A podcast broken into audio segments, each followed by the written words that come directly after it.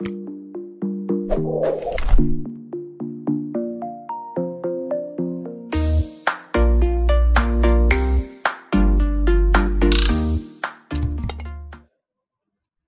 bahagia kerabat desa Indonesia. Pagi ini seperti hari-hari biasanya setiap jam 10 sampai jam 11 kita uh, ada dalam program Kepoin Desa. Kepoin Desa kali ini kita mengangkat satu tema, satu topik bagaimana peran dari paguyuban perantau ikut membantu atau ikut uh, membangun daerah dan desanya. Sudah hadir orang hebat, kawan apa guru saya, tempat saya banyak belajar, Mas Leles. Selamat pagi, Mas Leles. Audionya di di on kan dulu kayaknya nih. Audionya di apa? Ah, di on kan.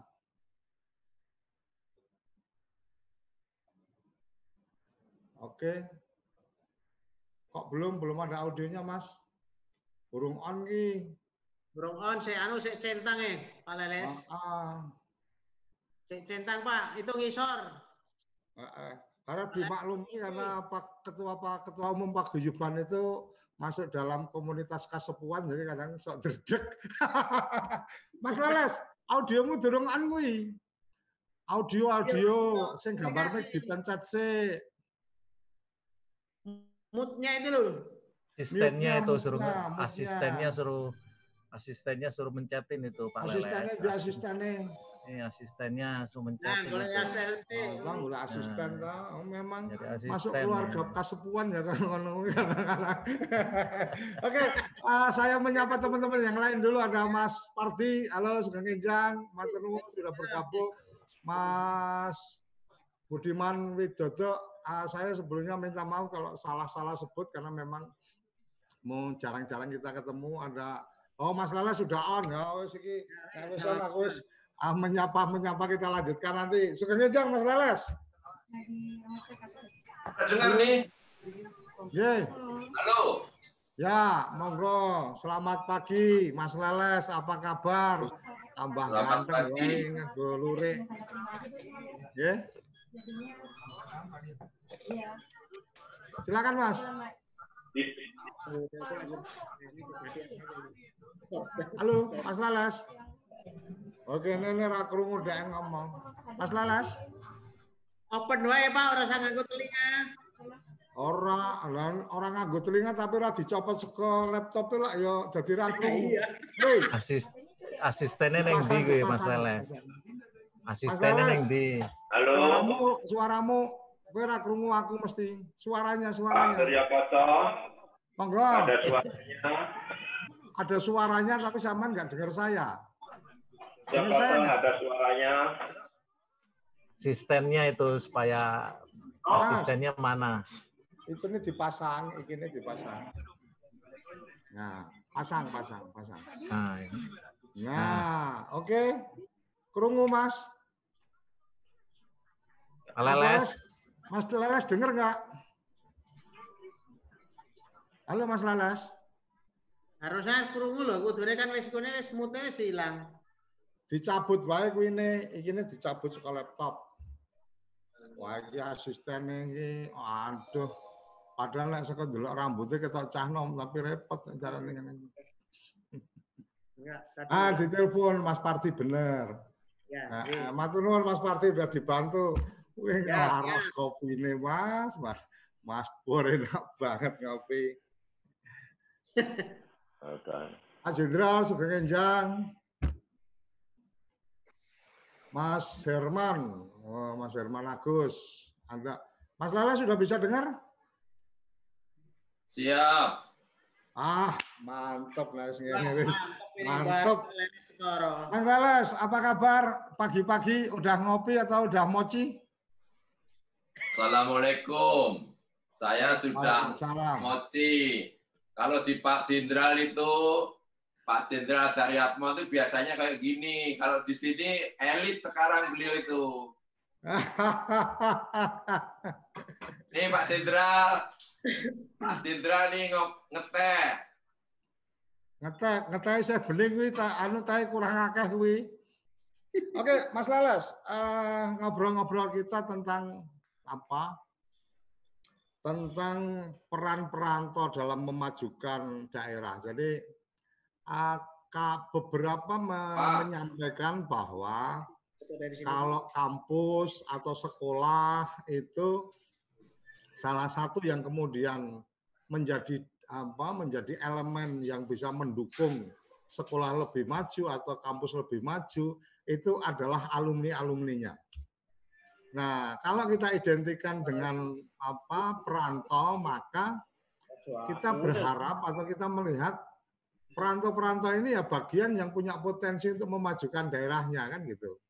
Kayak ya. zamannya Pak SBY jadi presiden terus Pacitan pembangunannya luar biasa kan gitu. Nanti siapa jadi apa daerahnya jadi lebih maju dan seterusnya. Apa kabar sebenarnya perantau-perantau kita terutama yang Mas Leles handle hari ini sebagai ketua umum Paguyuban Jawa Tengah, komunitas perantau dari Jawa Tengah. Monggo Mas Leles. Ya, terima kasih. Assalamualaikum warahmatullahi wabarakatuh. Waalaikumsalam. Waalaikumsalam warahmatullahi wabarakatuh. Baik kita semua di sini ada senior saya Laks Lakstia Purnawirawan dari Atma SIP. Nah, ini senior yang sebetulnya memandu saya, saya bisa diundang oleh Pak TV desa ini. Tanpa beliau nama saya tidak ada apa-apanya. Itulah yang sebetulnya. Lalu bangga dengan orang-orang hebat. Karena saya bisanya cuma nempel orang-orang hebat agar supaya kita ketularan. Kalau orang hebat itu mau memberikan support pada saya, insya Allah penularan itu menjadi manfaat untuk Republik ini. Mantap. Juga terima kasih kepada Pak Suryo Koco yang sudah peduli kepada khususnya di Paguyuban Jawa Tengah ini Pak Suryo Koco tidak bain-bain saya sangat mengharapkan kontribusi Pak Suryo Koco untuk akhiratnya melalui media yang dipunyai. Ke depannya, dan ini terima kasih para hadirin, ini ada Bapak Burhan, ini mungkin Pak Burhan Wijaya, senior kami juga mudah-mudahan bisa mensupport. Uh, terus banyak ini Pak Andi, ada Pak Eko dari Cilacap, ada Pak Supardi dari Wonogiri Manyaran, dan mungkin banyak hal. Ada Ibu Ya, Ida. Ya, Ida. Semarang nih, Mas. Hah? Semarang, Semarang. Mbak Yanida. Terima kasih. Pada pertama kalinya sebetulnya mengurus organisasi yang non-profit seperti kami ini tidak mudah, Pak. Apalagi sekelas paguyuban sejawa Tengah. Ini luar biasa sebetulnya. Saya sebetulnya tidak cocok waktu itu mungkin. Karena karena saya ini uh, masih masih terlalu dini untuk mengurus ini. Tapi karena kami di dikasih mandat untuk manfaat, saya selalu support untuk kepentingan kemajuan bersama. Yang perlu kita garis bawahi, bagaimana mengelola paguyuban ini atau untuk kontribusi ke daerah kami selalu mendorong pertama kali mestinya kita ini perlunya kekompakan di dalam komunitas itu. Tapi mengarah ke kekompakan komunitas itu nggak sederhana. Saya ngurusin Pak Guyupan Wonogiri aja, yang kebetulan senior saya, Pak Dindra dari Atmo itu sebagai pembina saya. Itu nggak sederhana, Pak. Komunitasnya Wonogiri itu ada bahkan ratusan, Pak. Yang saya bikin model-model kalau dibikin rumah rumah paguyuban nggak mau. Ada yang maunya berdiri sendiri dan seterusnya. Apalagi sejawa Tengah. Jadi setiap kabupaten kota itu pasti punya polemik, punya punya hal-hal yang sebetulnya kepingin maju, kepingin besar. Ini yang sebetulnya menyulitkan bagi kami untuk mengkonsolidasikan apalagi paguyuban yang tidak ada yang gaji, tidak punya harapan untuk apa kecuali untuk akhirat. Kalau hmm. kami welcome dengan ikhlas saja, bagaimana cara saya untuk mengompakkan masyarakat khususnya di Jawa Tengah ini, bagaimana supaya tertarik dengan PJT, Paguyuban Jawa Tengah. Ah, model-model seperti ini, termasuk kemarin ini di dalam kesulitan uh, COVID-19 ini, kami banyak hal memberikan motivasi, dorongan untuk bersatu, uh, bagaimana kesulitan ini bisa diaplikasikan uh, dan bisa diminati oleh orang. Contoh hmm. konkret yang sudah viral saya bikin orang mudik orang popo Ya. Itu orang muda Rapopo itu sedikit banyak memberi kontribusi kepada kami, kepada masyarakat Jawa Tengah yang biasa 9 juta pulang mudik, sekarang tinggal satu juta. Walaupun itu enggak satu-satunya gitu loh. Inilah sebetulnya kontribusi yang sebetulnya kami bisa setting bila mana ini terus model seperti ini kita giatkan untuk mempersatukan satu daerah untuk nanti setelah itu bisa untuk kemajuan daerah, ini mesti teman-teman paguyupan atau tokoh-tokoh masyarakat Jawa Tengah itu harus peduli, bukan cuek. Sekarang ini banyak yang cuek. Gitu loh. Kecuali bos saya ini memang setiap saat eh, Pak Jenderal saya ini selalu support saya, maju terus Pak Leles untuk kepentingan akhirat. Tapi banyak yang cuma ngambil lamesnya aja untuk keperluan pribadi, setelah itu selesai. Itu dilihat, bisa dilihat dari jejak digitalnya. Kalau ya. Pak Surya Koco itu jejak digitalnya sejak dulu ngapain? Lihat aja di situ. Urusan keikhlasan itu sampai di mana? Sekarang kan mudah sekali sebetulnya. Keikhlasan untuk partai, keikhlasan untuk lames, atau keikhlasan untuk apa? Ini yang perlu di uh, gaungkan terus-menerus. Yang kedua, Pak, kalau udah persatu, paguyuban itu bisa satu dikasih mainan, semua dikasih panggung. Sebetulnya Pak Lele sebagai ketua paguyuban itu memberikan panggung seperti dengan sampean ini. Saya itu cocok sekali. Saya akan memberikan panggung, panggung, panggung untuk kepentingan semua yang level jenderal dikasih panggung sekelasnya untuk memberi dampak kepada para punggawa-pungganya seperti kita-kita ini. Otomatis tidak disangka-sangka saya punya anak buah jenderal banyak, bukan Pak Daryatmo, di Paguyupan, Jawa Tengah. Iya kan? Ini sebetulnya efek dari teknologi berkomunikasi bagaimana kita bisa merangkul. Jadi saya punya pangkat jenderalnya mungkin kalau Pak Daryatmo tiga, saya lebih dari tiga, bisa sembilan karena tempelannya Pak Endarji ada di situ, ada tempelannya Pak Aris. Banyak banget, Pak.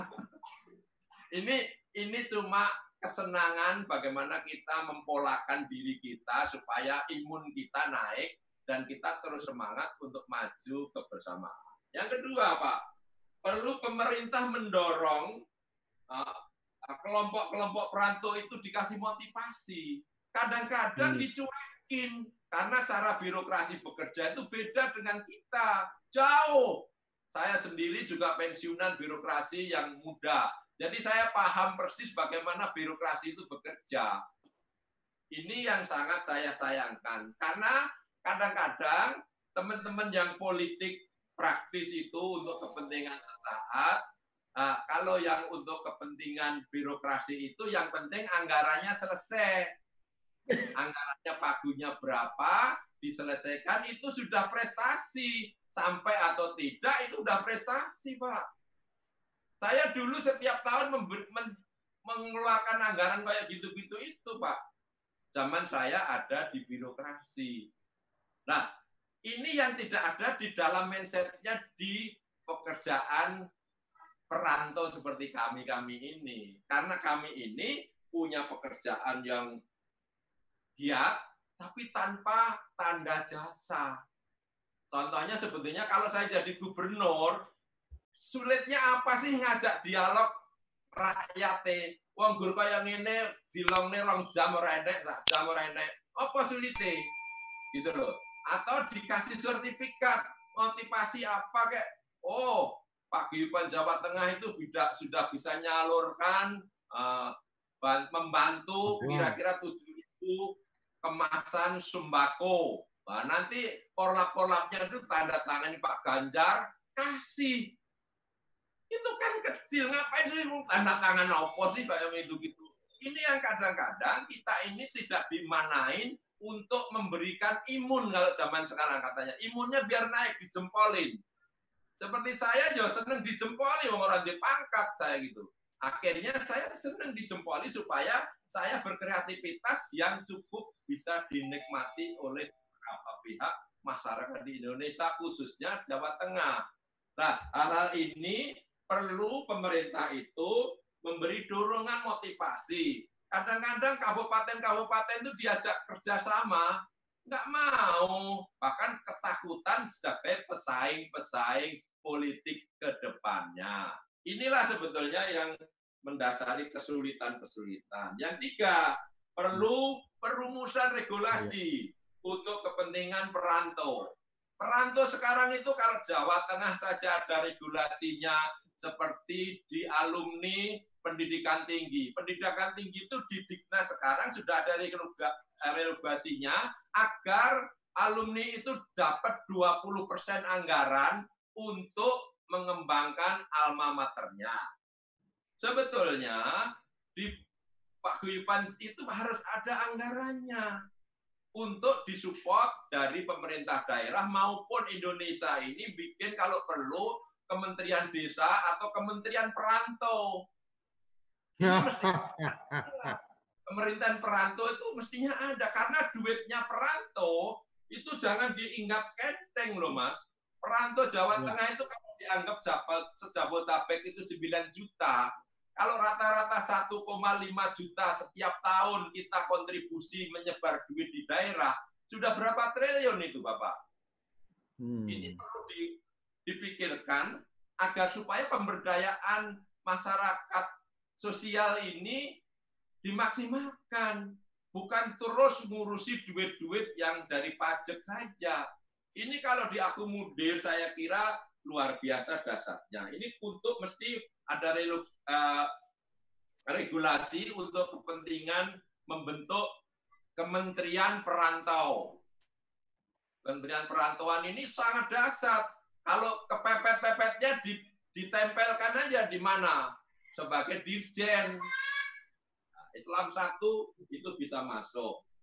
Ah, kalau itu bisa dilaksanakan, insya Allah banyak hal yang kita uh, berikan uh, motivasi kepada para pihak. Nah, contoh konkret kita ini sebetulnya sumbangsihnya kepada daerah itu luar biasa, Pak. Contoh sekarang ini di Banyumas, di tempatnya Pak Eko itu ada pekerjaan uh, termasuk ada mau launching wisata yang dari desa desanya Pak Eko itu di desa di kecamatan Maos di Cilacap itu ada desa wisata. Itu dari dorongan perantau kerjasama dengan Pertamina, CSR-nya Pertamina dibangun untuk di desa kecamatan Maos itu. Sekarang sedang disiapkan untuk di launching sebetulnya bulan-bulan Juli kemarin, Juni kemarin, tapi ini mundur. Ini di di Cilacap ada lagi kontribusi perantau seperti di tempatnya Pak Daryatmo itu ada namanya Presiden Parno Raya. Itu pengurus Paguyupan Pakari, Paguyupan Keluarga Wonogiri.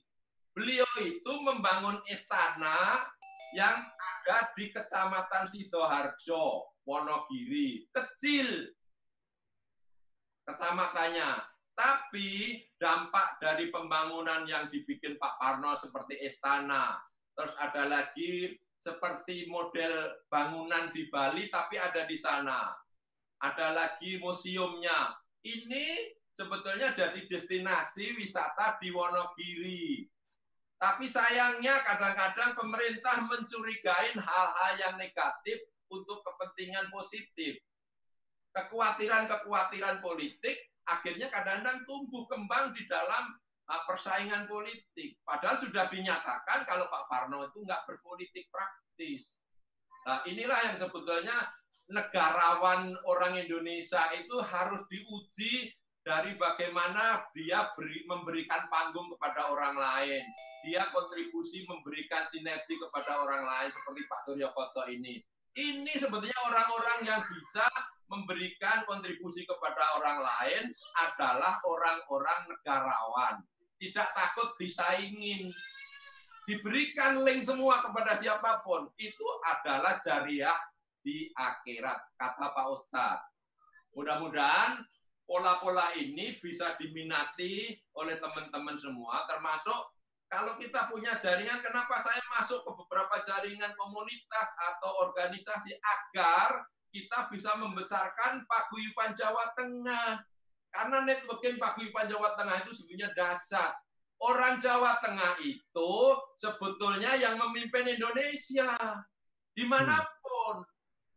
Jadi kita harus kuat. Tapi kadang-kadang egosentris individu-individu inilah yang sulit untuk ditumpahkan karena kepentingan masing-masing. Belum tahu dari nilai yang memimpin. Kalau yang memimpin model politik yang praktis itu memang agak sulit karena konotasinya kepada kelompok-kelompok yang sulit dibendung.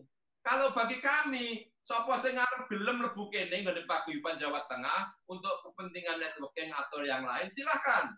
Saya akan berikan Contoh konkret, saya kemarin juga membuat karya besar Ora Mudik Ora Popo. Wah, luar biasa.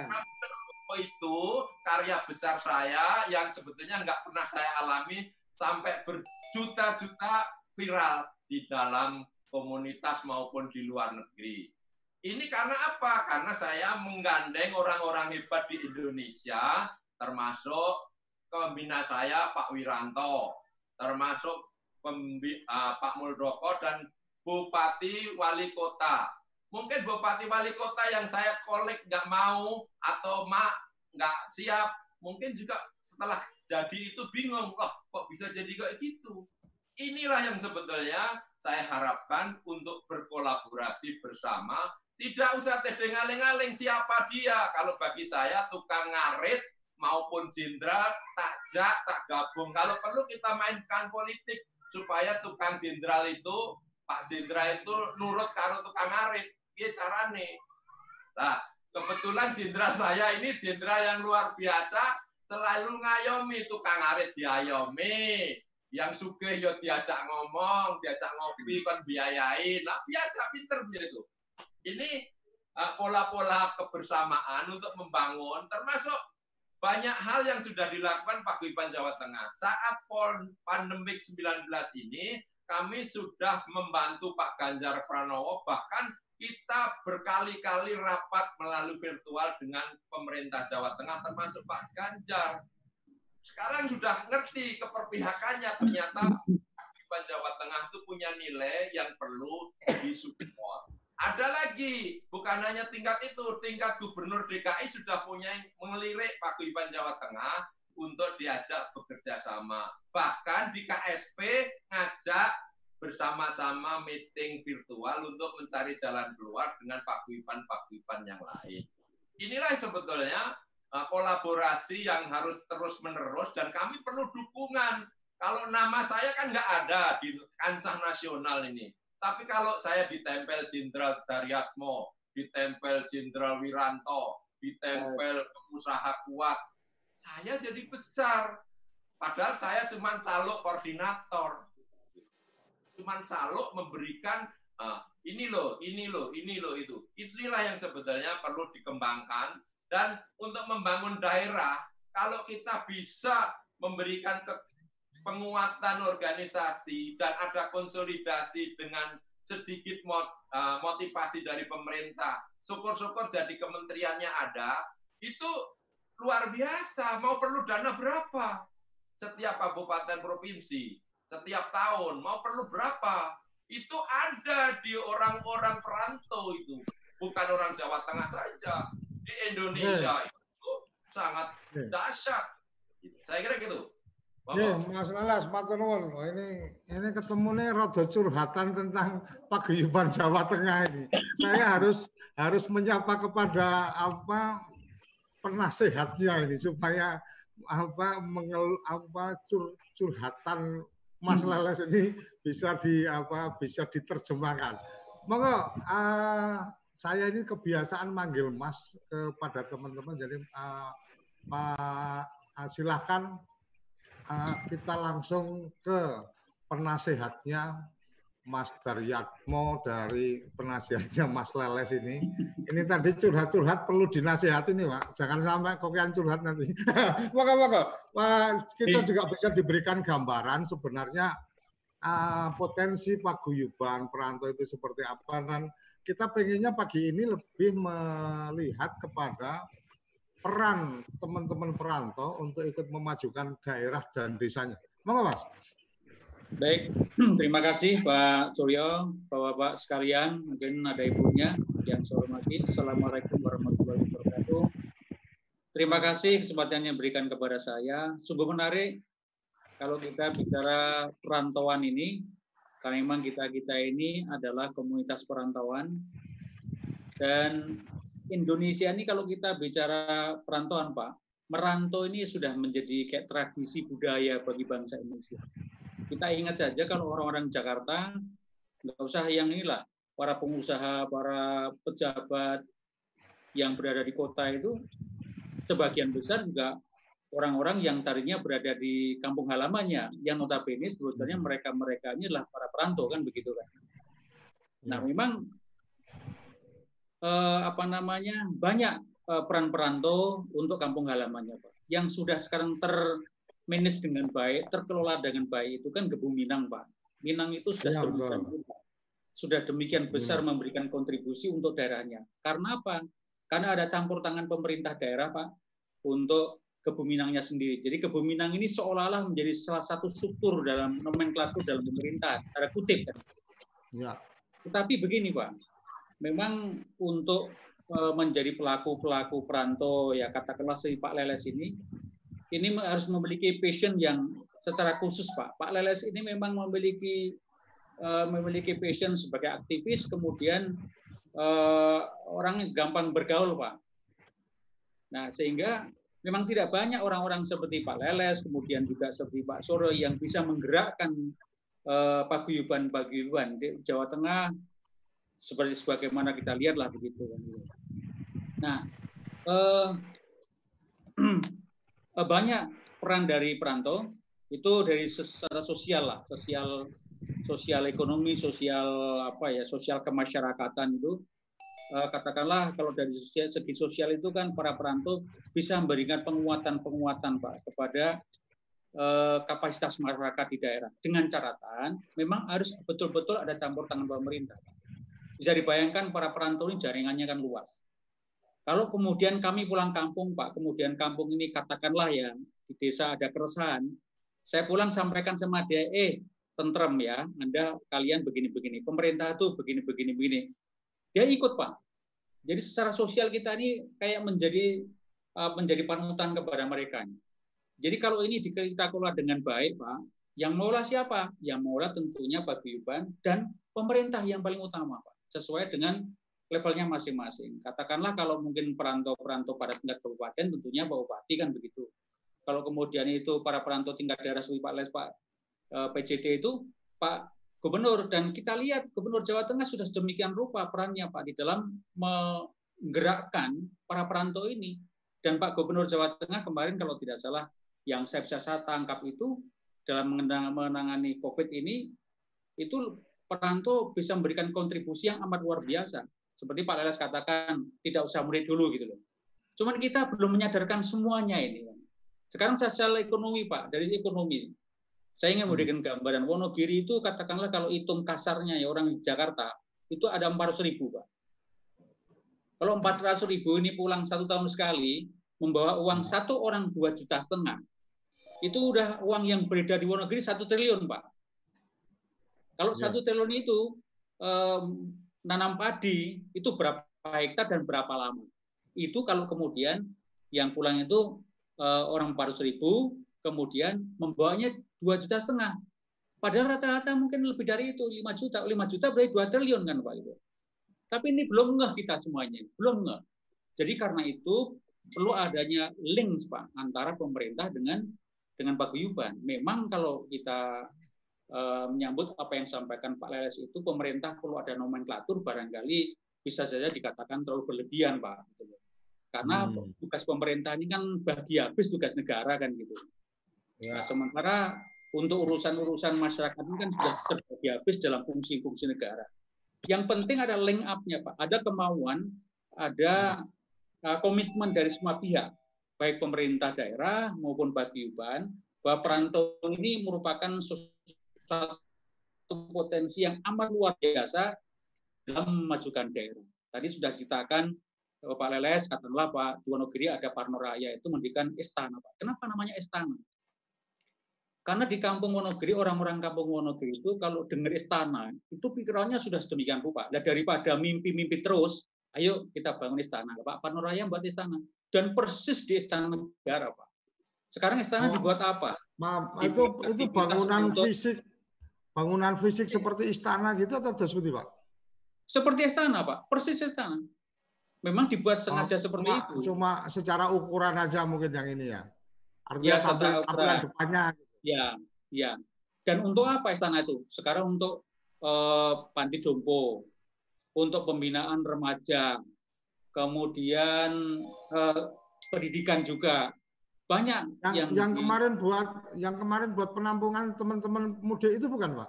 Ya, bukan. Oh, enggak, enggak mungkin oh, enggak. enggak ngerti. Mungkin kalau untuk lokal barangkali ya. Tapi yang nah. jelas gedung namanya Istana Tanda Kutip itu dipakai suatu aktivitas untuk memberdayakan masyarakat, kan gitu, Pak. Oh, okay, okay. Karena banyaknya warga yang datang situ seolah-olah ke istananya Parno Raya itu seperti dia ke istana negara, kan begitu. Iya, iya, iya. iya. Peran salah satu peran Pak di dalam memajukan sosial budaya, sosial ekonomi kepada masyarakat sekitar. Kenapa? Karena hubungan kita dengan masyarakat di kampung, Pak, itu hubungan emosional. Jadi Mas, mungkin Mas mungkin uh, uh, yang tadi ada sedikit di apa disinggung oleh Mas Lele salah satunya adalah tentang bagaimana komunikasi atau bagaimana interaksi atau harmonisasi antara teman-teman perantau dengan teman-teman di daerah dalam tanda petik pemerintah.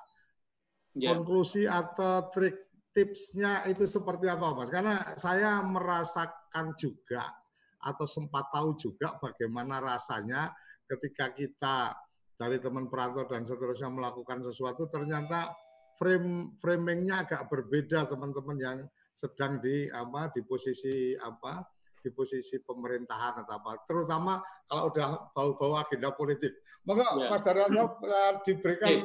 apa diberikan pencerahan nih supaya teman-teman ya. juga oh cara masuknya harus gimana?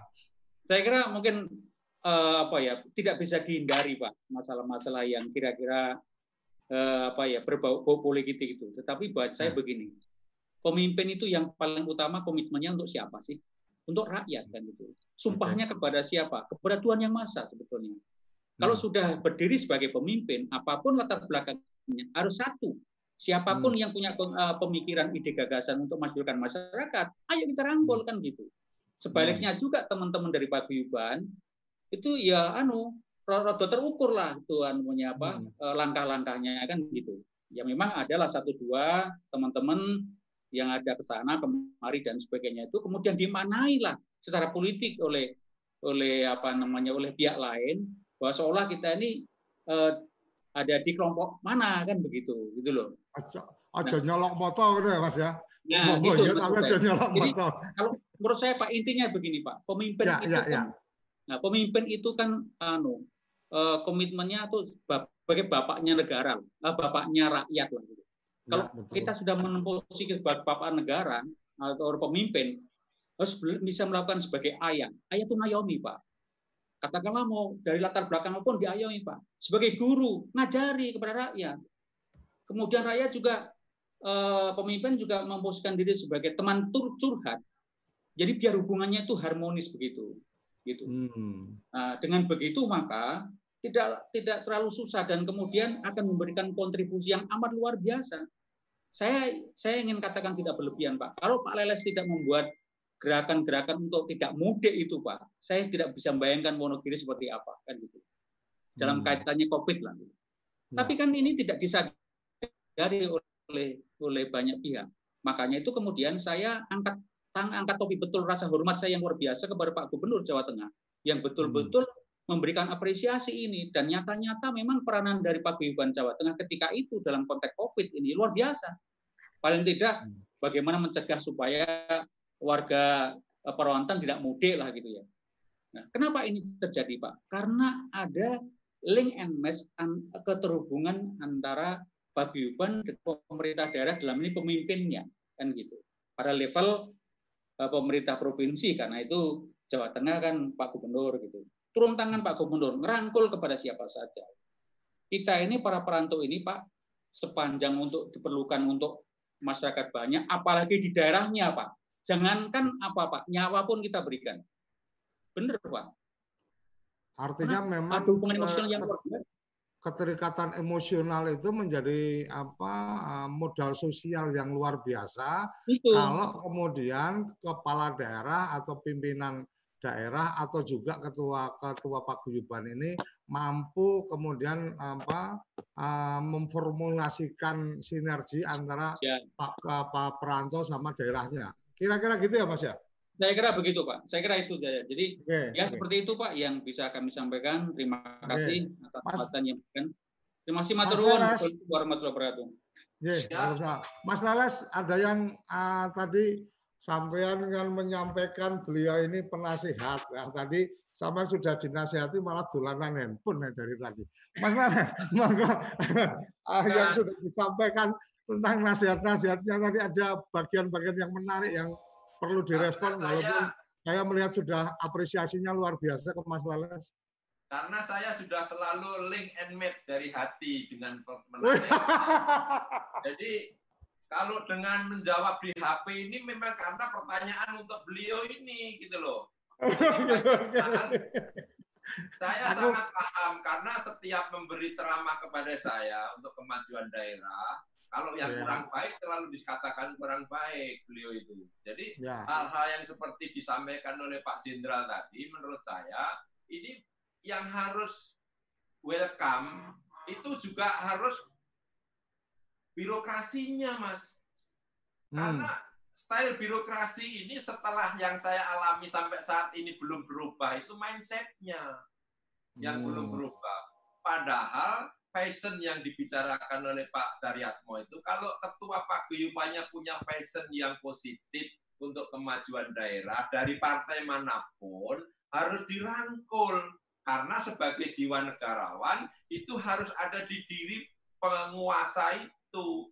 Tapi kalau segmented, kalau saya yang kuning saja, kalau saya yang merah saja, ya itu amoradul, itu mindsetnya penguasa, penguasa itu yang amoradul nggak punya mindset seperti jiwa negarawan. Itu loh Pak maksud saya. Jadi saya terima kasih sekali Pak Jenderal saya selalu memberikan pelurusan-pelurusan, memberikan kanal-kanal saya agar supaya tidak keluar dari uh, masalah-masalah birokrasi yang terlalu berlebihan. Bukan begitu juga. Kadang-kadang Pak Daryatmo dikhawatirkan Pak Guyuban itu mau ngerayup kerjaannya birokrasi. Sebetulnya juga bukan, itu kemampuannya juga belum jelas. Tapi paling tidak memberikan reward. Eh, tak kasih sertifikat, uang diucap nih, disawer ucapan aja senengnya orang umum Dijak hmm. foto enek sampingnya ngono senengnya umum. Kalau kadang kalau ada Pak Daryatmo di tempat mana saya kejar-kejar supaya aku dapat fotonya dengan Pak Daryatmo. Ini kan suatu yang Apalagi yang kelasnya bukan ketua paguyuban Jawa Tengah, kelasnya yang masih paguyuban di RT-nya di di kampung. Itu apalagi kalau dia kita ngomongin sekecap dua kecap, itu saya ngomong tuh gubernur. Waduh, kalau gubernur negarawan itu luar biasa. Lah, kebetulan Pak Ganjar dengan sejarahnya dengan saya pertemanannya cukup panjang jadi gelem nek takon yang omahku. Neng omahku Mas Ganjar. Gelem. Kan gitu loh. Cuman Pak Wiranto yang belum karena memang jenderal terlalu tinggi itu kalau tak suruh ke rumah kayaknya norak saya itu. kalau Pak Jenderal saya ini tapi pernah sama apik banget yang layak ditekani jenderal. Jenderal saya ini saya sudah sering ke rumah beliau dan beliau sudah berkunjung. Saya ditekani jenderal sama sama bupati banyak sekali Pak di rumah saya walaupun gang. Ini kebanggaan, ini juga pangkat Pak. Karena ketua paguyuban itu kalau nggak ditekani ulang hebat, orang yang nilainya Pak. Ini kira-kira begitu. aku golek pangkat, pangkatnya kaya Pak Jenderal tapi dengan cara yang lain. Insya Allah. Oke, Mas Weles, uh, dari dari pemetaan yang dilakukan atau mungkin sambil menunggu teman-teman kalau ada yang ingin uh, kalau ada yang ingin bicara silakan uh, raise hand boleh nanti saya apa dibuka mic-nya kita berikan kesempatan. Sambil menunggu itu mungkin uh, kita pengen tahu dari uh, yang sudah berjalan yang Mas Leles sempat ikuti paguyuban-paguyuban karena paguyuban yang Mas Leles kan Jawa Tengah artinya kan ada paguyuban kabupaten-kabupaten dan kota yang ada di apa yang ada di Jawa Tengah. Yang terlihat harmonis antara paguyuban dengan kepala daerahnya itu kabupaten mana aja Mas kalau boleh tahu? Yang ya. Mas Lele sempat rekam. Terima kasih. Ngurus paguyuban itu gampang-gampang susah susah-susah gampang apa gampang-gampang susah betul ya, loh susah-susah gampang juga gampang-gampang susah gitu okay. pertama karena paguyuban itu kita tidak gaji kalau saya jadi yang birokrasi saya gaji gampang itu kalau bagi saya ngurusnya karena hmm. paguyuban itu tidak digaji dan ini insting pribadi masing-masing yang punya keikhlasan untuk berbuat kebaikan di situ. Hmm. Yang lainnya kalau yang harmonis di antara kabupaten itu 35 kabupaten yang saya bawain ini kebanyakan tidak harmonis, Pak. Prosentasenya hmm. hampir 80 persen itu selalu ada guncangan antara paguyuban dan komunitas bersaing untuk mencari panggung. Lah, tugas saya sebagai paguyuban Jawa Tengah saya juga tidak akan mengkoptasi. Kalau kamu mau masuk paguyuban Jawa Tengah, ini produk saya kalau kamu bisa. Contoh konkret, saya dengan Pak Bapak juga, dengan Pak Suryo Koco, sedang menyiapkan uh, namanya Jateng P. Alat pembayaran Jateng P ini sebetulnya sudah berjalan, tapi minatnya Paguyuban Jawa Tengah atau Wong Jawa Tengah belum maksimal katanya alasannya belum masuk di Play Store. Dalam waktu singkat ini, Play Store Paguyuban Jawa Tengah mungkin bulan depan ini sudah ada di Play Store. Ini manfaatnya seperti di OVO atau alat pembayaran elektronik yang sudah jalan selama ini.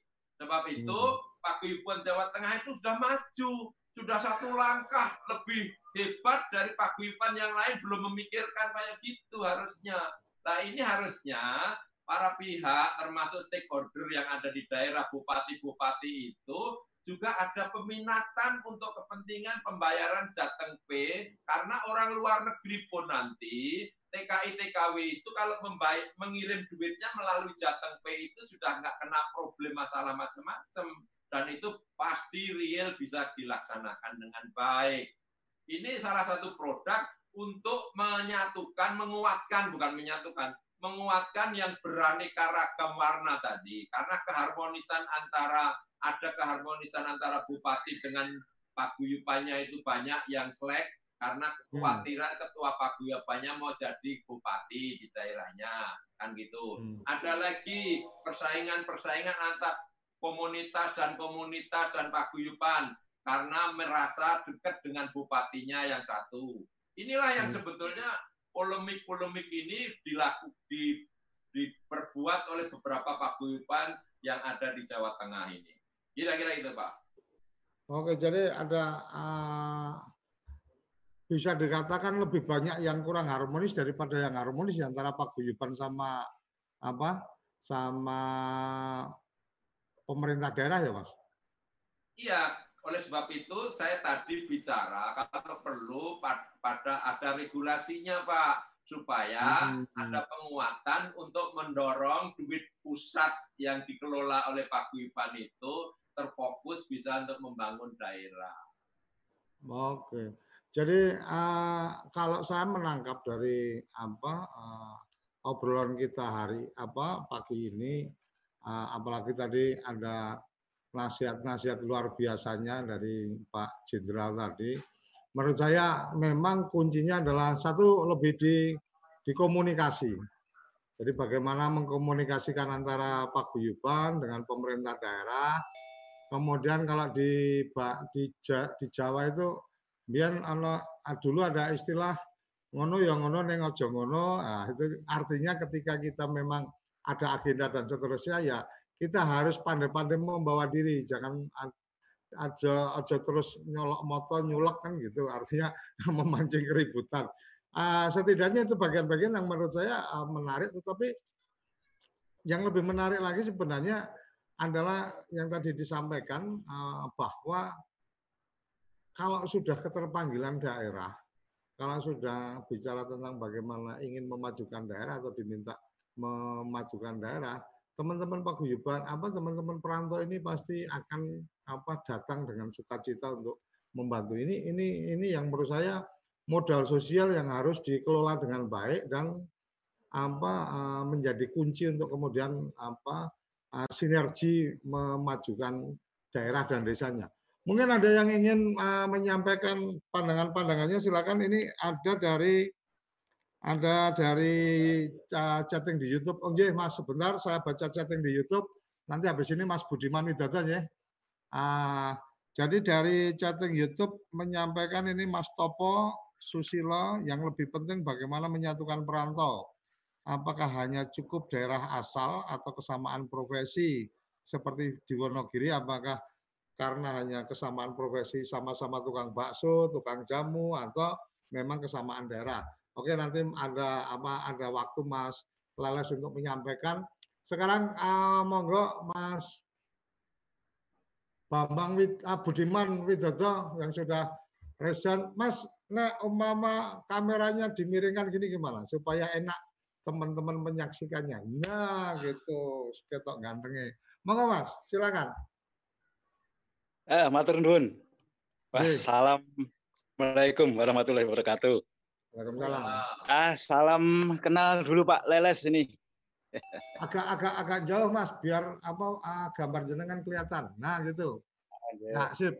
Halo Pak Leles, halo Pak Leles. Ya. Wah, ini Waalaikumsalam. Ini saya dengar beliaunya ini sangat pekan ini waktu di Wah, ASEAN di UT.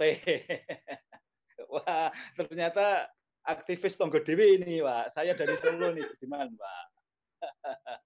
Iya, iya, Pak, kemarin ceritanya begini sebentar. Saya baca ini posternya. Waduh, ini kok bangun desa balik desa ini. Wah, oke okay banget ini. Iya. ini Pak Lele satu pertanyaan saya ini apa pendapat saya itu tentang paguyuban itu sendiri. Tadi sudah disinggung panjang lebar, paguyuban itu masyarakat non motif ekonomi, sosial lah. Mengambil levelnya, ini Pak Leles level Jawa Tengah ini Pak, ini kok turun udah nasional. Kalau namanya Paguyuban Jawa Tengah ini berarti mempunyai anggota 34 kabupaten tadi Pak ya? Secara Iya, iya. Saya sendiri itu asli Boyolali, Pak. Wih, yeah. ya, jadi Boyolali ke Solo ini juga dihitung perantau ini kelihatannya. Perantau jarak dekat. ya. Nah, di Boyolali ya, selamat pagi juga Pak, uh, siang Pak Jenderal Daryatmo ini juga cukup mengenal waktu di masa di DPR nih.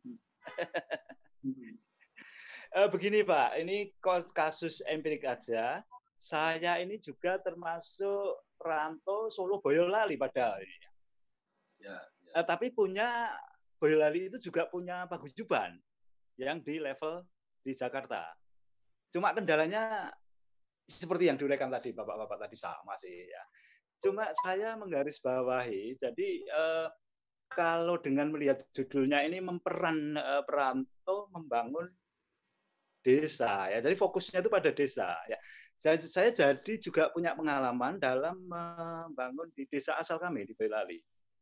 Nah, di era Covid ini momentum itu justru semakin menguat karena maaf, intinya itu ada di desa. Basisnya itu di desa memang. Jadi kalau saya di Solo sudah dianggap kota, apalagi Jakarta ini. Jadi basis di desa ini kami hanya ingin mengingatkan, uh, bukan mengingatkan maaf ini, Pak Leles ini, uh, ya. mari kita ya kita greget dalam fokus desa, Pak. Kalau dulu kan istilahnya ada bangun desa, Pak. Ya, ya. Bangun desa, ya, bangun desa ya, ya. Dengan modernisasinya Pak Gub Munadi dulu bangun desa, bangun desa. Ini eh, kalau sekarang ini saya punya persepsi pendapat kok dibalik, Pak. Kalau bangun desa itu desanya yang dalam pengertian konotasi yang masih minim rendah dalam segala level diangkat menjadi yang lebih modern itu. Itu bangun desa, Pak. Tapi desa sekarang itu sudah mandiri, Pak. Hmm dalam arti uh, secara finansial apalagi dengan adanya dana desa. Pengalaman waktu saya kakak tahun 83 masuk desa masih di Sudio-Sudio, Pak. Wah, mahasiswa ya. disambut dengan meriah. ya. Tetapi sekarang masuk desa masuk desa itu masyarakat desa sudah kowe nggowo apa Mas gitu. betul betul. betul. Kalau dulu kan di Sudio-Sudio tapi sekarang ya sudah kowe nggak apa neng mlebu ning desa. Nah ini kita paradigma persepsinya juga harus berubah. Maaf ini bukan menggurui Pak. Eh. Ini pengalaman yeah. kami juga begitu. Iya. Jadi konsepnya juga kita balik Pak. Bukan bangun desa tapi desa membangun karena desa sudah punya potensi, punya sumber daya. Ya. Nah, saya berangkat dari desa itu apa identiknya pertanian. Nah, maka, maka istilahnya bangun desa eh, desa membangun itu ya berbasis dari potensi desa. Ya dalam arti yang luas. Ini Pak Leres dan Sabu ini. Yeah. Ini dari segi materi. Kemudian dari segi organisasi tadi, eh, karena ini membawai Jawa Tengah, ini juga cukup bagaimana Pak bisa menghimpun. Kalau tadi disebutkan hanya koordinator, kan tidak bisa action nanti, tidak bisa aplikatif gitu loh. Kalau hanya koordinator. Padahal masing-masing kota sudah punya paguyuban itu ya. Dan kami juga dengan kawan-kawan paguyuban itu ditekankan pada tiga hal yang saya singkat tiga S. Senasib, seperasaan, sepenanggungan. Nah, ini karena kita merasa tiga S itu karena kita ada pada satu komunitas yang namanya uh, komunite, komunitas. Nah, kalau bangunnya kembali peranannya, saya lebih cenderung fokus ke desa. Saya kira sementara itu dulu Pak Leles ini perkenalan Pak Leles Mohon maaf nanti kalau ketemu tidak lupa lagi ini ya. ya Salam hormat juga Pak. Ini Pak. Okay. Terima kasih, Terima kasih Pak, Pak Leles atas waktu. Pak Budiman Widodo ini apa pencerahan luar biasa di apa oh. di waktu apa sesi sesi karena kita memang hanya sampai jam 11 jadi masih ada sisa ya, ya. waktu tujuh menit sekarang lima apa lima tiga memang uh, uh, ada ada perubahan, perubahan norma, ada perubahan kondisi dan seterusnya. Lahir undang-undang desa membuat desa kemudian lebih punya kemampuan dan memang yang tadi disampaikan tentang desa apa membangun desa sekarang desa membangun itu adalah bagian dari semangat undang-undang desa. Cuma memang ada kadang-kadang rasa-rasa sepertinya ada norma yang sudah berubah, ada apa eh, ya, ada iya, perilaku ya. yang sudah berubah seperti yang tadi uh, Mas Budiman tadi sampaikan kalau dulu itu mahasiswa datang itu disambut karena mereka merasa membutuhkan untuk mendapatkan ilmunya atau apanya dan seterusnya. Ya, Sekarang ya, memang ya. kalau datang ke desa ya ditanya seperti yang Mas Budiman tadi bilang itu memang betul. Kamu datang sini bawa apa kamu? Bisa bantu apa? Jadi memang itu itu suasananya seperti itu, kebatinannya seperti itu. kita sangat paham sekali dan memang kita pengen juga dengan medium siaran-siaran uh, seperti ini semua menjadi tercerahkan, semua jadi terbuka. Oh ternyata sekarang kayak gini kondisinya.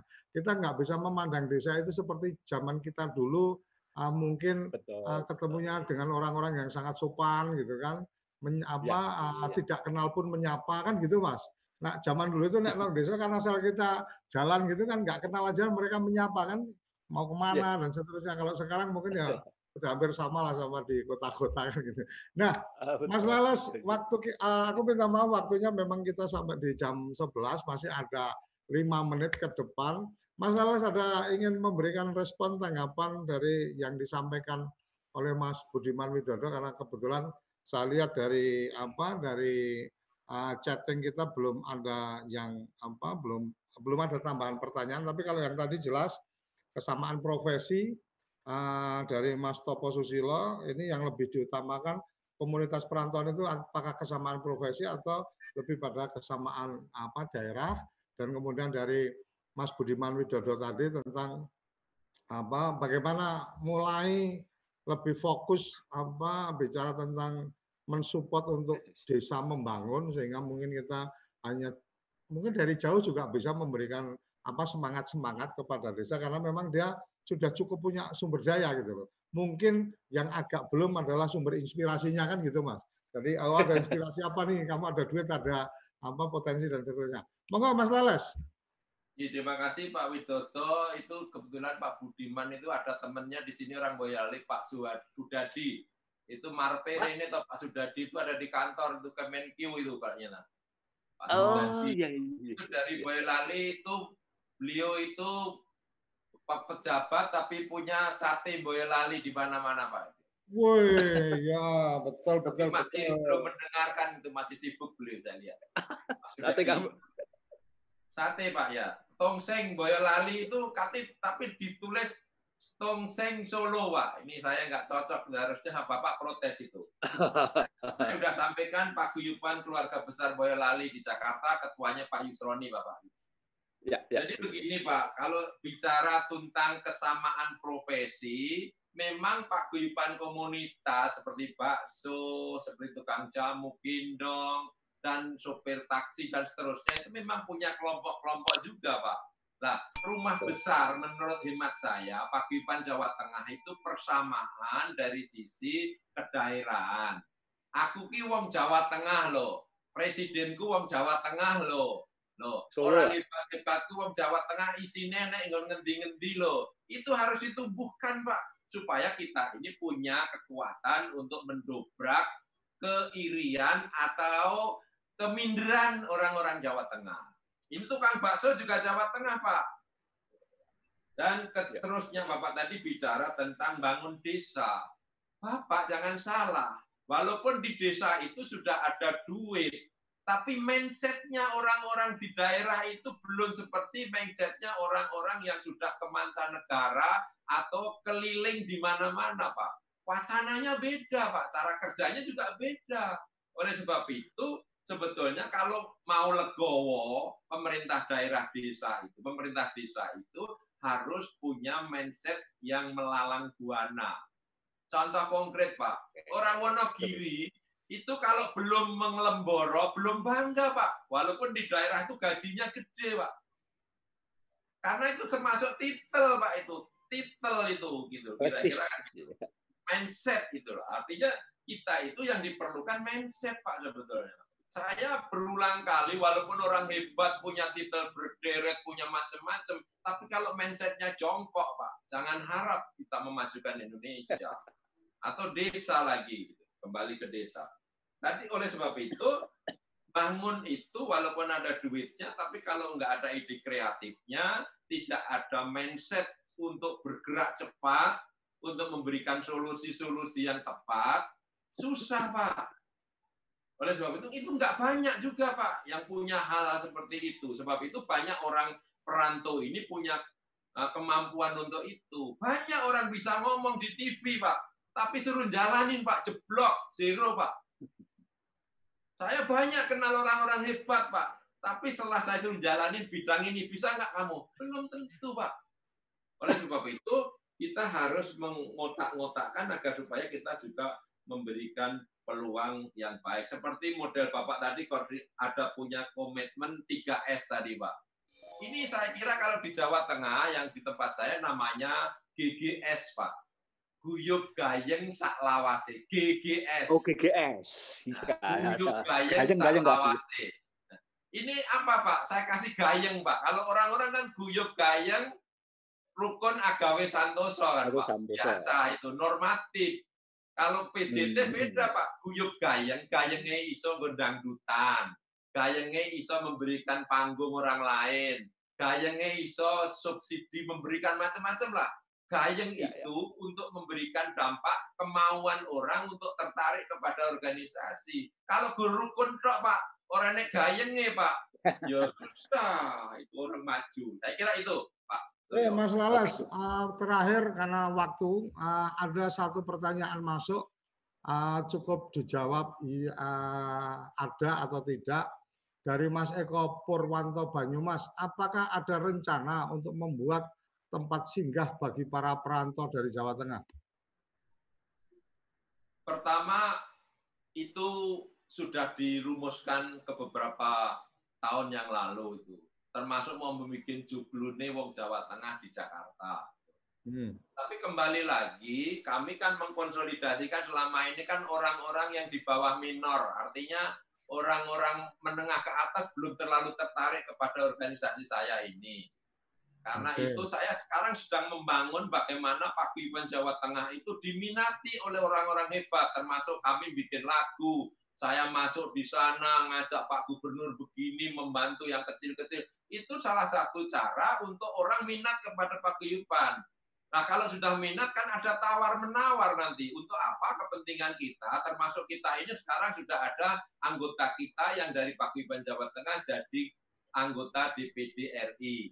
Ini sebetulnya hmm. hal-hal seperti ini harus kita uh, berikan kepada siapa pun. Kalau mau kepingin jaringan dahsyat melalui Paguyuban Jawa Tengah. Selesai. Oke. Oke, matur nuwun Mas Lales, matur uh, teman-teman semua yang sudah bergabung. Ada apa Pak Jenderal tadi, ada Mas Dwika, ada dari Paguyuban Pawon Semar juga ada tadi perwakilan Mbak Yanida, ada teman-teman dari Balai apa Kementerian Desa dan seterusnya. Saya kami berharap bahwa acara atau program-program seperti ini bisa memberikan tambahan wacana memberikan tambahan inspirasi untuk kita semua, dan memberikan penguatan untuk kita bisa bersama-sama memuliakan desa-desa di Indonesia. Terima kasih sudah bergabung bersama kami. Kita akan ketemu di apa episode-episode berikutnya. Kepoin Desa tiap jam 10 sampai jam 11 dari hari Senin sampai hari Jumat. Untuk hari Sabtu kita agendanya adalah malam mingguan bareng Kementerian Dalam Negeri itu pukul setengah delapan sampai setengah sembilan uh, live langsung kita berinteraksi dengan teman-teman dari Kementerian Dalam Negeri. Insya Allah besok malam kita akan berbicara apa kabar PAMSIMAS kita yang uh, kemarin dari program PNPN Mandiri.